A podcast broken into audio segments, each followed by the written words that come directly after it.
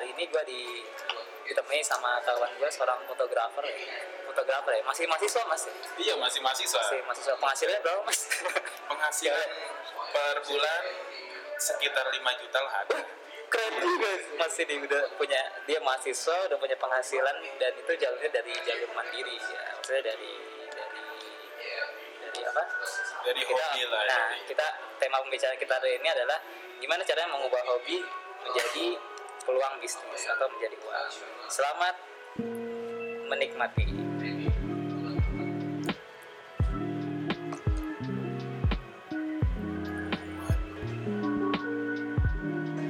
Eh, Oke teman-teman sekalian hari ini kita mau sama-sama ngebahas eh, tentang gimana caranya kita bisa hidup mandiri dari hobi kita.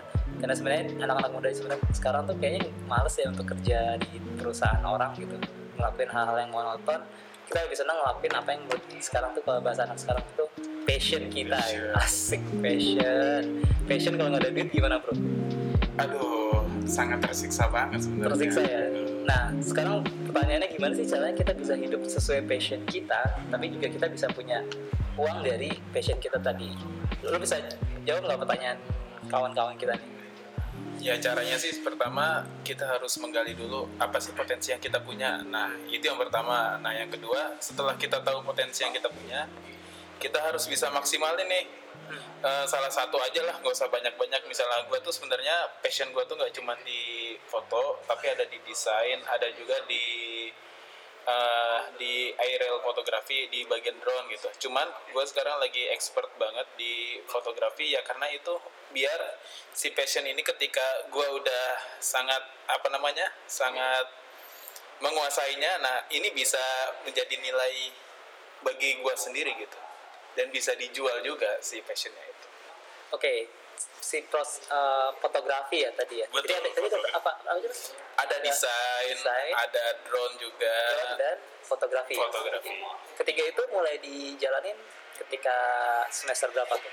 Atau berapa Eh, tahun ke belakang? Sebenarnya bertahap sih konsepnya. Jadi kalau misalnya desain, saya pernah dulu ketika di pesantren eh, belajar ya desain tuh fokusnya pas di pesantren, terus belajar fotografi ketika udah udah lulus gitu, udah lulus pesantren gitu. Terus nguasain itu. Nah setelah itu sekarang-sekarang lagi hobi juga di aerial fotografi gitu, di foto-foto apa namanya udara gitu. Oke dari jadi Mas Isan sudah mulai menekuni hobinya ini dari ketika sekolah dulu Mas ya sekolah kemudian di kampus uh, dia juga menekuni hobi dia sampai dia temu nemu hobi baru yang menurut dia itu juga bisa ngasilin duit. Ya gitu seperti Mas ya. Iya betul Nah, sekali. sebenarnya kalau menurut Mas Isan nih, gimana sih caranya ketika misalnya kita udah punya hobi ya, Betul. terus tahapannya nih, kita kayak kita udah menekuni udah menekuni sebuah hobi, kita kayak udah ngerasa jago banget di bidang itu, tapi kok kayak kok orang masih belum kenal gua gitu kayak eh, gimana sih caranya supaya orang tahu kalau gue jago fotografi dan akhirnya orang pakai jasa kita misalnya ada ini gak ada Ya tipsnya pertama eh, kita harus nge-branding dulu. Kita tuh sebagai apa gitu. Kalau misalnya gua tuh nge-branding dari Instagram. Nah di Instagram gua itu semuanya fitnya fotografi, foto. Nah dari fit apa namanya dari konten di Instagram itu yang bisa mengenalkan kita ke orang lain. oke Eh, jadi branding branding gue itu lewat Instagram dengan banyak ngepost ngepost. Udah banyak aja sih kalau misalnya pertama untuk fotografer untuk apa namanya teman-teman yang pemula gitu ya. Eh, lebih banyak di kuantitasnya aja. Sering sering apa namanya sering upload upload dulu. Nah nanti kalau misalnya kita udah terbiasa dengan kuantitas baru perbaiki kualitas gitu. oke kuantitas ya. Kuantitas Quality- dulu. quality means quantity Inti, betul Bener ya? Eh, kalau untuk pemula gitu Ber- Jadi intinya kalau kata Mas Isan tadi pertama personal branding, terus kedua adalah konsistensi, bener Mas ya. betul Tapi sebenarnya kita sebenarnya kendala kita sebagai kreatif uh, person atau creative entrepreneur itu biasanya kendalanya kan uh, memulainya itu loh kayak mulai aduh gue kayak gue udah kayak kerja keras kayak bikin foto bikin foto tapi likesnya masih sedikit ya. itu gimana cara ngatasi si konsistensi itu biar kita kayak pengen, pengen terus moto gitu walaupun gak ada duitnya kayaknya kan di awal-awal belum ada duitnya juga ya. Betul betul. Udah ada duitnya masih di awal-awal belum ya? Oh, dulu mah awal-awal mah belum lah. Eh, gim- lu job pertama lu apa tuh waktu itu waktu sebagai as photographer? Dan berapa kira-kira fee yang lo dapat sebagai freelance photographer? Waktu itu pas pertama kali apa ya motret apa ya? Kalau nggak salah sih motret ini motret uh, pembicara. Nah pembicaranya itu pengen minta difotoin. Jadi kayak misalnya gue fotoin si pembicaranya itu ya gitu. Waktu itu sekitar 400 ribu lah. Itu project pertama gue gitu. Jadi ngikutin acaranya ngikutin yes. acaranya dia. Oke. Uh, jadi kayak personal apa namanya fotografernya si pembicara tersebut. 400 ya kayak 400 ribu. Lumayan mas satu hari ya? 400 ribu lumayan iya. Oke, jadi uh, tadi Mas Isan tuh memulainya dengan menjadi seorang fotografer event ya, fotografer Betul, event. betul. Uh, yang situ kliennya itu masih klien personal. Iya. Bisa diceritain nggak gimana sih ceritanya bisa dapat first project? Kayak itu juga jadi apa tahapan yang cukup penting juga buat Betul. kita. eh ya balik lagi dari itu kita harus buat personal brand yang bagus juga kitanya juga kita harus menentukan juga dari sekarang platform apa yang mau kita pakai platform media sosial apa yang mau kita pakai kalau Instagram itu kan sebenarnya eh, platform apa media sosial yang untuk sharing ya media sharing gitu ya jadi Instagram itu sesuatu yang pas gitu menurut gua tuh untuk personal branding awal gitu Benar. Oke, oke nih kita udah ngelakuin personal branding kan. Uh, kita udah ngelakuin personal branding. First client lo berarti itu teman dekat lo atau maksudnya kayak dari networking terdekat lo atau jadi gimana? by apa namanya kayak Oh, bisikan gitu ya? Betul. Jadi jadi kayak teman lo ngereferensi ngereferensi ngereferensi. Oh, gitu ya? Betul. So, berarti sekarang udah lebih banyak jobnya dong daripada sebelumnya? Ya alhamdulillah. Uh, bisa uh, sebulan nih kira-kira udah berapa job kira-kira bisa rata-rata ini? Ya rata-rata sih 2 sampai tiga lah. Dua sampai tiga ya? tapi value-nya pasti lumayan value-nya lumayan lah. oh value-nya lumayan, lumayan ya? untuk mahasiswa lah. Ya bertahap mas ya. betul, betul. oke tadi kita uh, apa kita sikat ngomongin tentang first project tadi karena kayaknya penting banget sih karena maksudnya kayak kalau kita udah berhasil di project pertama kita orang pasti kan reputasi kita bakal meningkat Bakal kan? meningkat nah terus, dari situlah akhirnya orang bakal tahu kita kerjaan kita apa dan pasti bakal manggil kita terus kemudian tadi bahasan berikutnya adalah tentang konsistensi nih betul konsistensi. Jadi kayaknya Mas Isan ini tadi ketika kita ingin memulai sebuah bisnis ya atau tadi profesi yang itu basicnya passion kita, kayak kita harus mulai dulu dengan sebuah portofolio. Benar Mas ya? betul Kayak banget kita penting pot potret aja dulu mau Potret aja. mau mau likes-nya dikit mau apa. Cuman maksudnya gimana sih caranya apalagi kita sebagai mahasiswa ya, misalnya lo sebagai mahasiswa mungkin lo juga punya kegiatan lain, mungkin mungkin juga lo ya punya tuntutan lain tapi gimana cara lo tetap ya maksudnya uh, tetap in charge sama si tadi ho- hobi lo tadi terus lo tetap yang penting foto foto foto padahal soalnya kan kayak kayaknya kalau jadi fotografer tuh alat itu ngaruh juga sih buat hasilnya gak sih Eh, enggak juga oh, enggak juga. ya lebih ke teknik ya?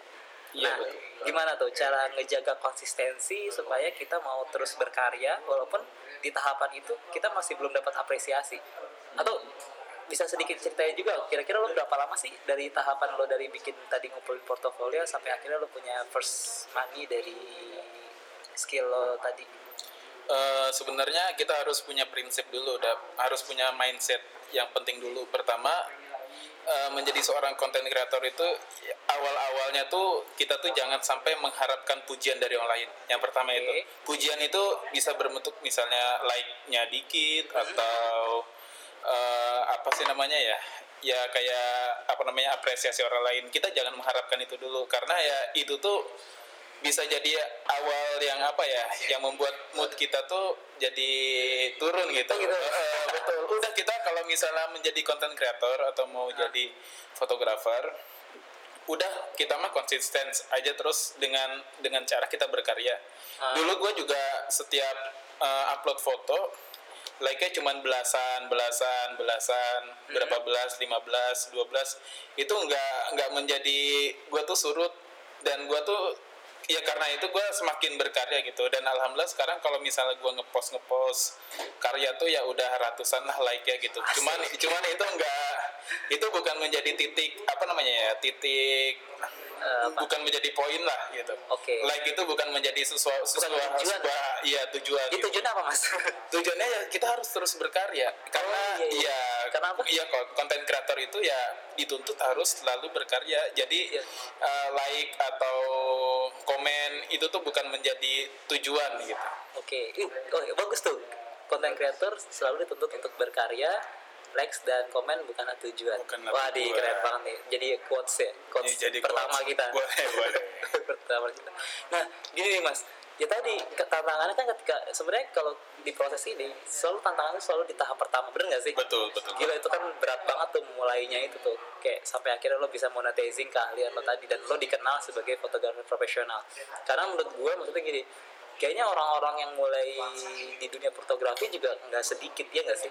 Iya betul. Gila banyak banget kan orang yang main fotografi gitu. Nah sekarang gimana caranya lo nih sebagai pemula lo sebagai pemula nih. Dan ya tadi kita terus dituntut untuk konsisten berkarya walaupun kita nggak ada hasilnya gitu. Pasti belum kelihatan hasilnya.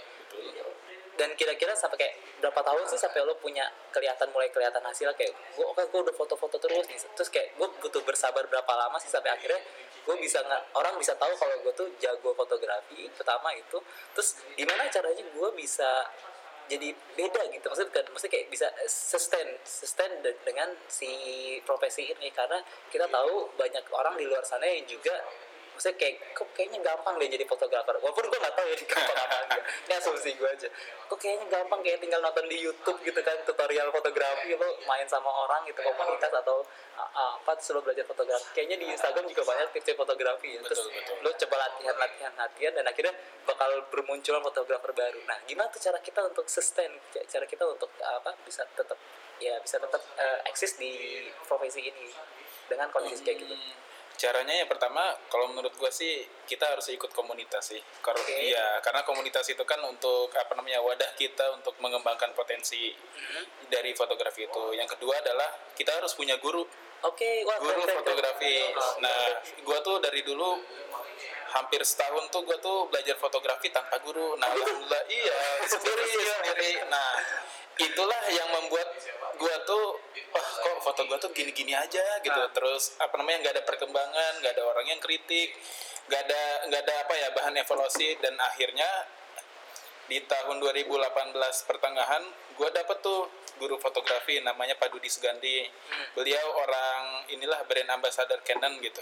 Oh gitu? Iya brand ambassador Canon. Nah gimana ceritanya bisa ketemu dia?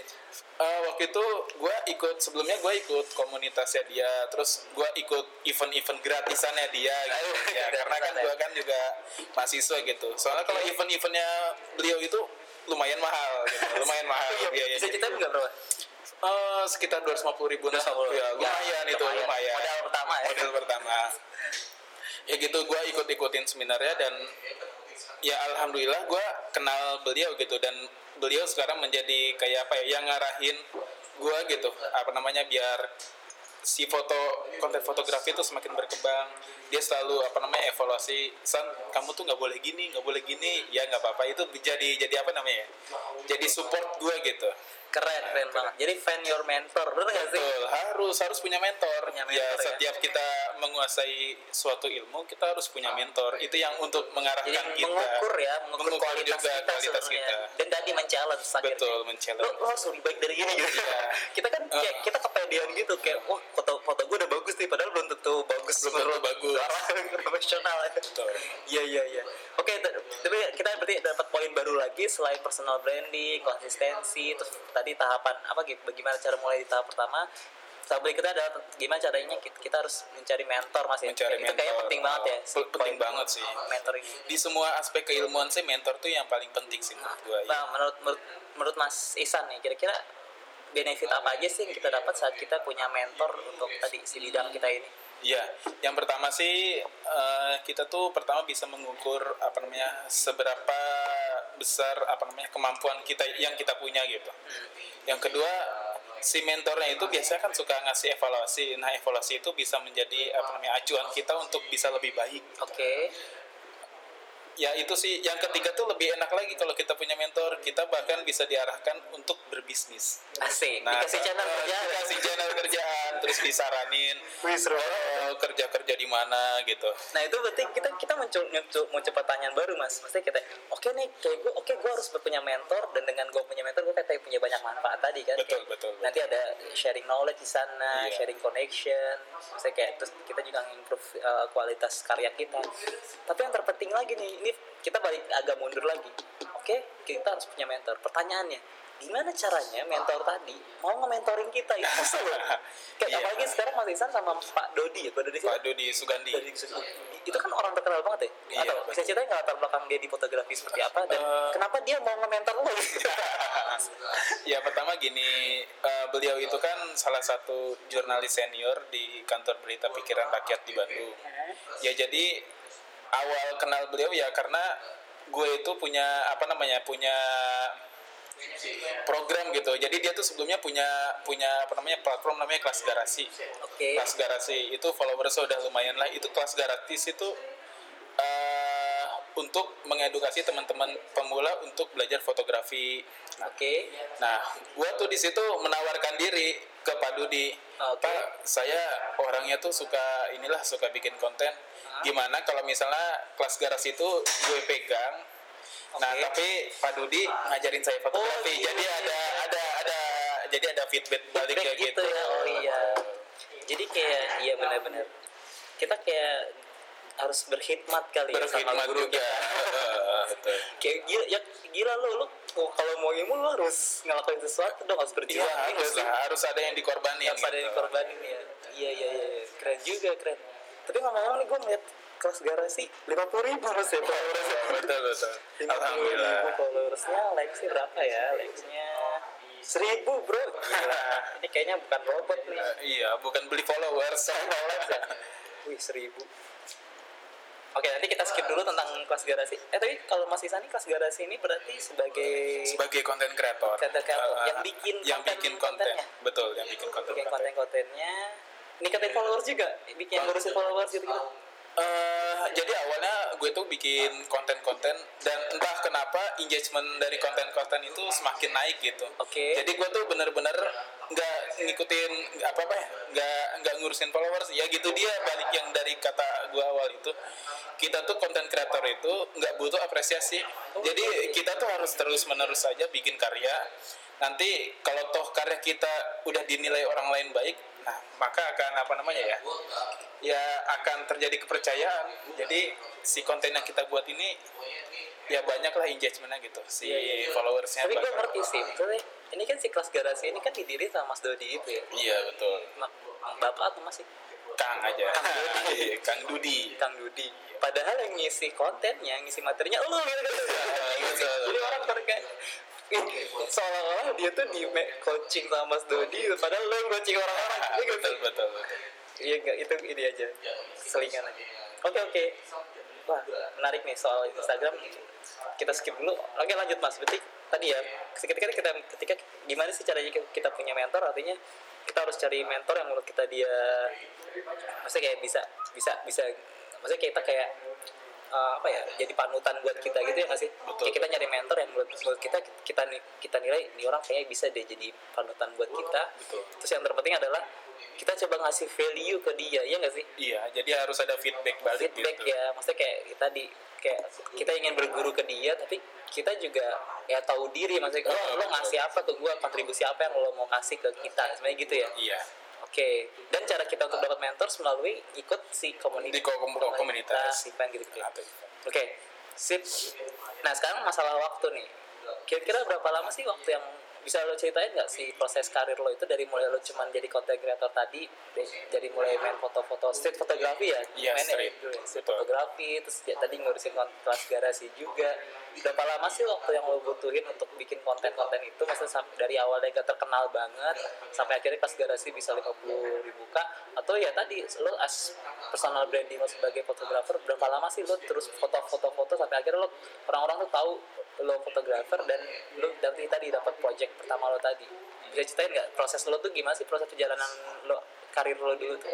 Ya du- dulu sih waktu itu sih jadi gue tuh interest banget di dunia visual gitu ya. Pertama kan makanya kan gue SMA itu belajar eh, belajar desain. Nah terus kuliah tuh gue tuh merasa wah anjir gue nih kalau misalnya belajar desain nih saingannya tuh makin banyak gitu. Oh, saingannya makin banyak. Makanya gue tuh mencari perbedaan gitu. Mencari perbedaan. Gue tuh harus punya kemampuan lain selain desain. Ya udah gue tuh karena gue orang visual suka sesuatu sus- suka suka gambar lah. Suka gambar yang yang unik gitu. Ya udah gue interest tuh di dunia fotografi. Oke nah ya alhamdulillah hampir ya tiga tahun lah gue interest di dunia fotografi. Apa ya? Tiga tahun Eh, di tiga tahun di dunia fotografi. ya gue menemukan apa ya namanya feel gue sendiri gitu feel fotografi gue sendiri Oh, ya iya. straight itu oh oke feel-nya itu tadi ya oke oke oke berarti selama tiga tahun dan mulai ngerasain hasilnya di tahun ketiga di tahun ketiga tahun ketiga ya oke oke oke berarti kita selama di tahun pertama dan tahun kedua kayak jadi fotografer gratisan dulu gitu mas Oh iya, sih? fotografer gratisan dulu. Fotografer gratisan ya? Terus untuk ya kita dari awal tuh pertama harus apa namanya? Ya gitu harus ada punya tokoh juga apa punya men se- sebelum gue punya mentor sebenarnya gue punya ada ada punya tokoh yang gue idolain gitu lah. Oh, iya. Iya ada idolain. Gue kan dulu street ya jadi suka ada namanya fotografer namanya Arbain Rambe dia tuh fotografer senior Kompas. Oke. Kompas. Nah, ya gue ngikutin feel-feelnya dia oh gitu ada namanya rumusnya tuh ATM amati tirukan modifikasi Iya, jadi oke. kita harus ya udah kita ikutin dulu nih si apa namanya si karya Gayanya orang. gayanya orang nanti kita temukan sendiri cara apa namanya cara cara kita gitu. Kita ya kita pasti menemukan sendiri cara kita. Nah yaudah cara yang kita udah temuin itu kita latih terus terus menerus. Nanti itu jadi apa namanya jadi eh, kedengeran? It- jadi ini jadi ya jadi bumbu kita lah jadi feel kita Bumbunya sendiri. ya? bumbunya betul. Jadi sebenarnya si bumbu itu kita temui berdasarkan dari perjalanan waktunya ya perjalanan sih? waktunya. Bener ya kayak, kayak Jadi- pengalaman lah jadi sesuatu itu nggak ada yang instan. Nggak ada. dan kencang banget gue ketawa. Oke. Jadi nggak ada yang instan dan itu kayak butuh proses mas ya? Butuh proses. Betul, betul. proses. Oke. Oh, eh, menarik sih. Jadi tadi mas Isan cerita kalau di awal kita kayak butuh jadi fotografer gratisan dulu dan mungkin dulu Mas Isan juga sempat ngalamin eh, kayak dimanfaatin teman-temannya bahasa gitu ya. Betul jadi fotografer dokumentasi acara-acara. Acara-acara gitu pernikahan juga ikutan? Iya dulu sempat ikut belajar belajar untuk apa namanya untuk membangun portofolio. Ya, jadi untuk membangun portofolio awal walaupun kita nggak dibayar ataupun dibayar murah, udah kita ikutin aja karena kita tuh masih dalam posisi pelajar gitu. Ah, Contohnya kalau misalnya teman-teman yang baru masih lulu- baru lulus baru lulus SMA yang mau membangun apa namanya portofolio, udah kita ikutin aja. Kayak misalnya teman ada nikah kita bantuin motret. Walaupun nggak dibayar atau dibayar cuman makan aja itu juga udah apa namanya nilai lebih gitu jadi value Iya, iya, gitu. jadi buat portofolio kita juga kita juga gitu. Jadi ya gimana ya untuk menjadi lebih baik gitu. Oke, wah ini keren Proses menjadi lebih Tapi ini menurut gue nih salah satu poin keren juga. Karena anak-anak biasanya tuh kayak anak jam up. Saya, gua, eh, kayak kita tuh sering sering banget ya ngeliat anak-anak yang nggak mau kerja sebelum dibayar ya nggak sih? iya betul Terus Banyak akhirnya banget. dia nggak jadi nggak punya portofolio apa-apa dan dan akhirnya nggak ke mana-mana. Ada nggak sih lo ngerasa pernah ketemu sih orang-orang kayak gitu? Wah, mm, sebenarnya Jadi sih kayak mau diminta, eh bisa fotografi nggak? Wah bayarnya berapa? Belum apa-apa udah nanya gitu ya nggak sih? ya itu biasalah Salah ya? biasa. Oh. Sebenarnya ya gitu. Kecuali kalau misalnya itu yang udah apa namanya yang udah ya punya portofolio Kalau udah punya portofolio, portofolio ya kayak gitu. boleh. Tapi kalau misalnya untuk awal-awal eh, sebaiknya kita banyak berlatih dulu aja sih soalnya pertama gini dalam hal-hal bisnis itu yang paling penting adalah kepercayaan. Oke. Eh, eh, kepercayaan kalau kalau kita mengerjakan sesuatu tapi kita mengecewakan si kliennya wah akan bakal buruk nih ke depannya gitu Oke. Eh, makanya kita jangan jangan untuk awal-awal jangan nembak dulu harganya berapa tapi kita kasih dulu nih yang udah gue pernah kerjain Karya gitu karya yang ya, udah pernah portfolio. ya yang pernah dikerjain Nah, oke teman-teman semua. Eh, tadi ba- bagus banget ya tadi. Eh, saya secara singkat sudah dapat sih beberapa poinnya. Terutama yang paling penting yang terakhir tuh tentang ngumpulin portofolio tadi ya.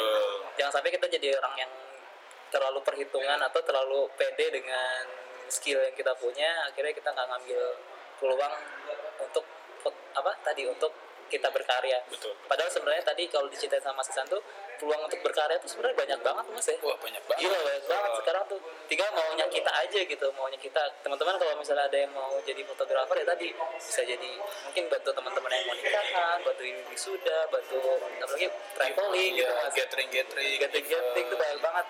Dan dari situ kita dari mulai gratisan dan orang mulai ngeliat karya kita bagus kayaknya dari situ deh da- dari orang-orang dulu pernah kita bantu mungkin mereka yang ke referensi kita iya ke orang betul. ya? Ah, betul.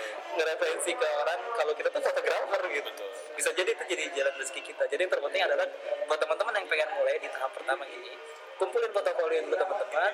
Latih dulu skill teman-teman ya bener ya? Betul. latih dulu skill kita kemampuan kita diasah terus kesempatan apa pun di kita untuk ngasih value ke orang kita Ambil kasih aja. aja ambil aja sebagai bentuk portofolio kita dan yang terpenting juga tadi bentuk berjejaring mupuk apa ya nanam reputasi juga sih. Betul nanam reputasi dulu. Nanam reputasi ke orang orang tadi. Sebelum kita ngomongin masalah duit. Jadi kayak lo kayaknya kalau masih satu tahun dua tahun pertama nggak perlu ngomongin duit dulu. Yang penting lo buktiin aja kalau lo bisa jadi fotografer da- eh, yang apa ya jadi fotografer yang profesional. Dan tadi sebenarnya pertanyaan gue sedikit terjawab sih soal gimana sih caranya kita menghadapi dulu. Kayak muncul pesaing-pesaing bukan pesaing lah kok ya artinya banyak gitu banyak orang yang bisa bisa ini tapi ternyata tadi jawaban dari Mas Isan adalah eh, itu kita bakal nemu sendiri style kita sendiri gitu. bener ya Iya. akhirnya kita punya niche kita sendiri Betul. kita oh punya style sendiri dan tadi kita bisa eksis dan yang lebih penting buat teman-teman yang jo yang tadi yang jadi faktor leverage pointnya adalah saat kita punya mentors dan komunitas maksudnya betul betul bisa ceritain nggak kalau tadi kan mentor sudah cukup oke tadi kita udah dapat poinnya cuman kalau komunitas nih bisa ceritain nggak gimana sih komunitas ini bisa ngebantu proses kita di tahap ini Eh, di komunitas kan itu isinya teman-teman yang sevisi atau se sehobi dengan kita. Nah itu dia tuh yang bisa apa namanya bisa memotivasi juga gitu. Dan dan gue tuh banyak banget dapat apa ya dapat teman-teman yang satu apa namanya satu satu hobi di komunitas. Nah itu jadi di komunitas itu juga bisa meng, apa namanya mengupgrade diri kita juga sebenarnya dari teman-teman yang ada di komunitas tersebut. oke jadi sevisi tadi maksudnya Sevisi tadi. sevisi dan sama-sama belajar ya belajar. sama belajar tapi kayaknya salah satu poin juga yang penting saat kita berkomunitas itu sebenarnya menjaga semangatnya guys menjaga semangat. Iya, sama sharing koneksi ya betul. Relasi juga itu Relasi yang paling juga. penting. Iya, iya ya. Nah ini jadi teman teman-teman setelah teman-teman tahap pertama tadi udah punya punya skill, terus punya udah punya style, terus sudah reputasi sudah mulai dibangun atau personal branding tadi sudah mulai dikenal. Berikutnya adalah teman-teman perlu berjejaring melalui si komunitas tadi ya.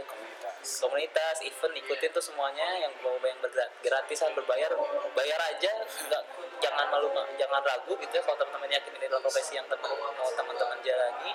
Dan karena nanti ketika teman-teman coba ikut event-event yang berbayar tadi, itu levelnya sebenarnya jauh lebih berbeda sih saat kita ikut event yang gratisan sama berbayar ya nggak sih? Betul, betul. Yang hadir tuh kayaknya jauh lebih profesional dengan event-event yang berbayar. Dan dari situ kita akan nge-up si si skill kita. profesi kita. profesi kita. Jadi apa lingkaran kita juga. Dan yang terpenting tadi sih mudah mudah-mudahan aja kan teman-teman bisa ketemu mentor di kegiatan-kegiatan kayak gitu kayak Mas Isan ini. Ternyata Mas Isan juga ketemu setelah ketemu Mas Dodi tadi dia bantu Mas Dodi dengan Instagramnya. Perkembangannya udah jauh banget Mas ya. Jauh lumayan. oh iya. Eh, ini ini bahas Instagram. Enggak Mas tadi mentornya Oh, dari mentorannya. Oke, oke. kayak maksudnya kayaknya peran Mas Dodi itu ke Mas Isan besar banget ya. Lumayan, iya besar. besar banget ya. Oke, eh, untuk ke depannya kira-kira Mas Isan rencananya gimana nih? Untuk apa? Untuk Untuk eh, karir ya kan? Maksudnya eh, si nextnya nih, si next stepnya rencananya Mas kan gimana untuk eh, profesi? Ya si, si ini nih si fotografi ini. Oh, ya gue tuh pengen ya pengen jadi ini sih, jadi jurnalis foto foto jurnalis, fotografer jurnalis gitu di media-media nasional atau media internasional. Ya tujuannya ya pertama di apa namanya gue menjadi jurnalis ini bisa memberikan manfaat kepada orang lain gitu bisa apa namanya ya bisa memberikan open mind gitu bahwa apa ya? Astagfirullahaladzim. Ya pokoknya gue mau jadi fotografer jurnalis aja udah. Open mind. Maksudnya open mind gimana? Eh, bisa membuka. Jadi kalau misalnya foto jurnalis itu kan apa namanya memfoto memfoto eh, foto-foto yang apa ya? Menggugah menggugah jiwa kali ya? gitu, gitu ya? Menggerakkan orang. Menggerakkan. Gitu ya? Oh suka yang gitu-gitu ya? Suka yang gitu gitu oke oke oke.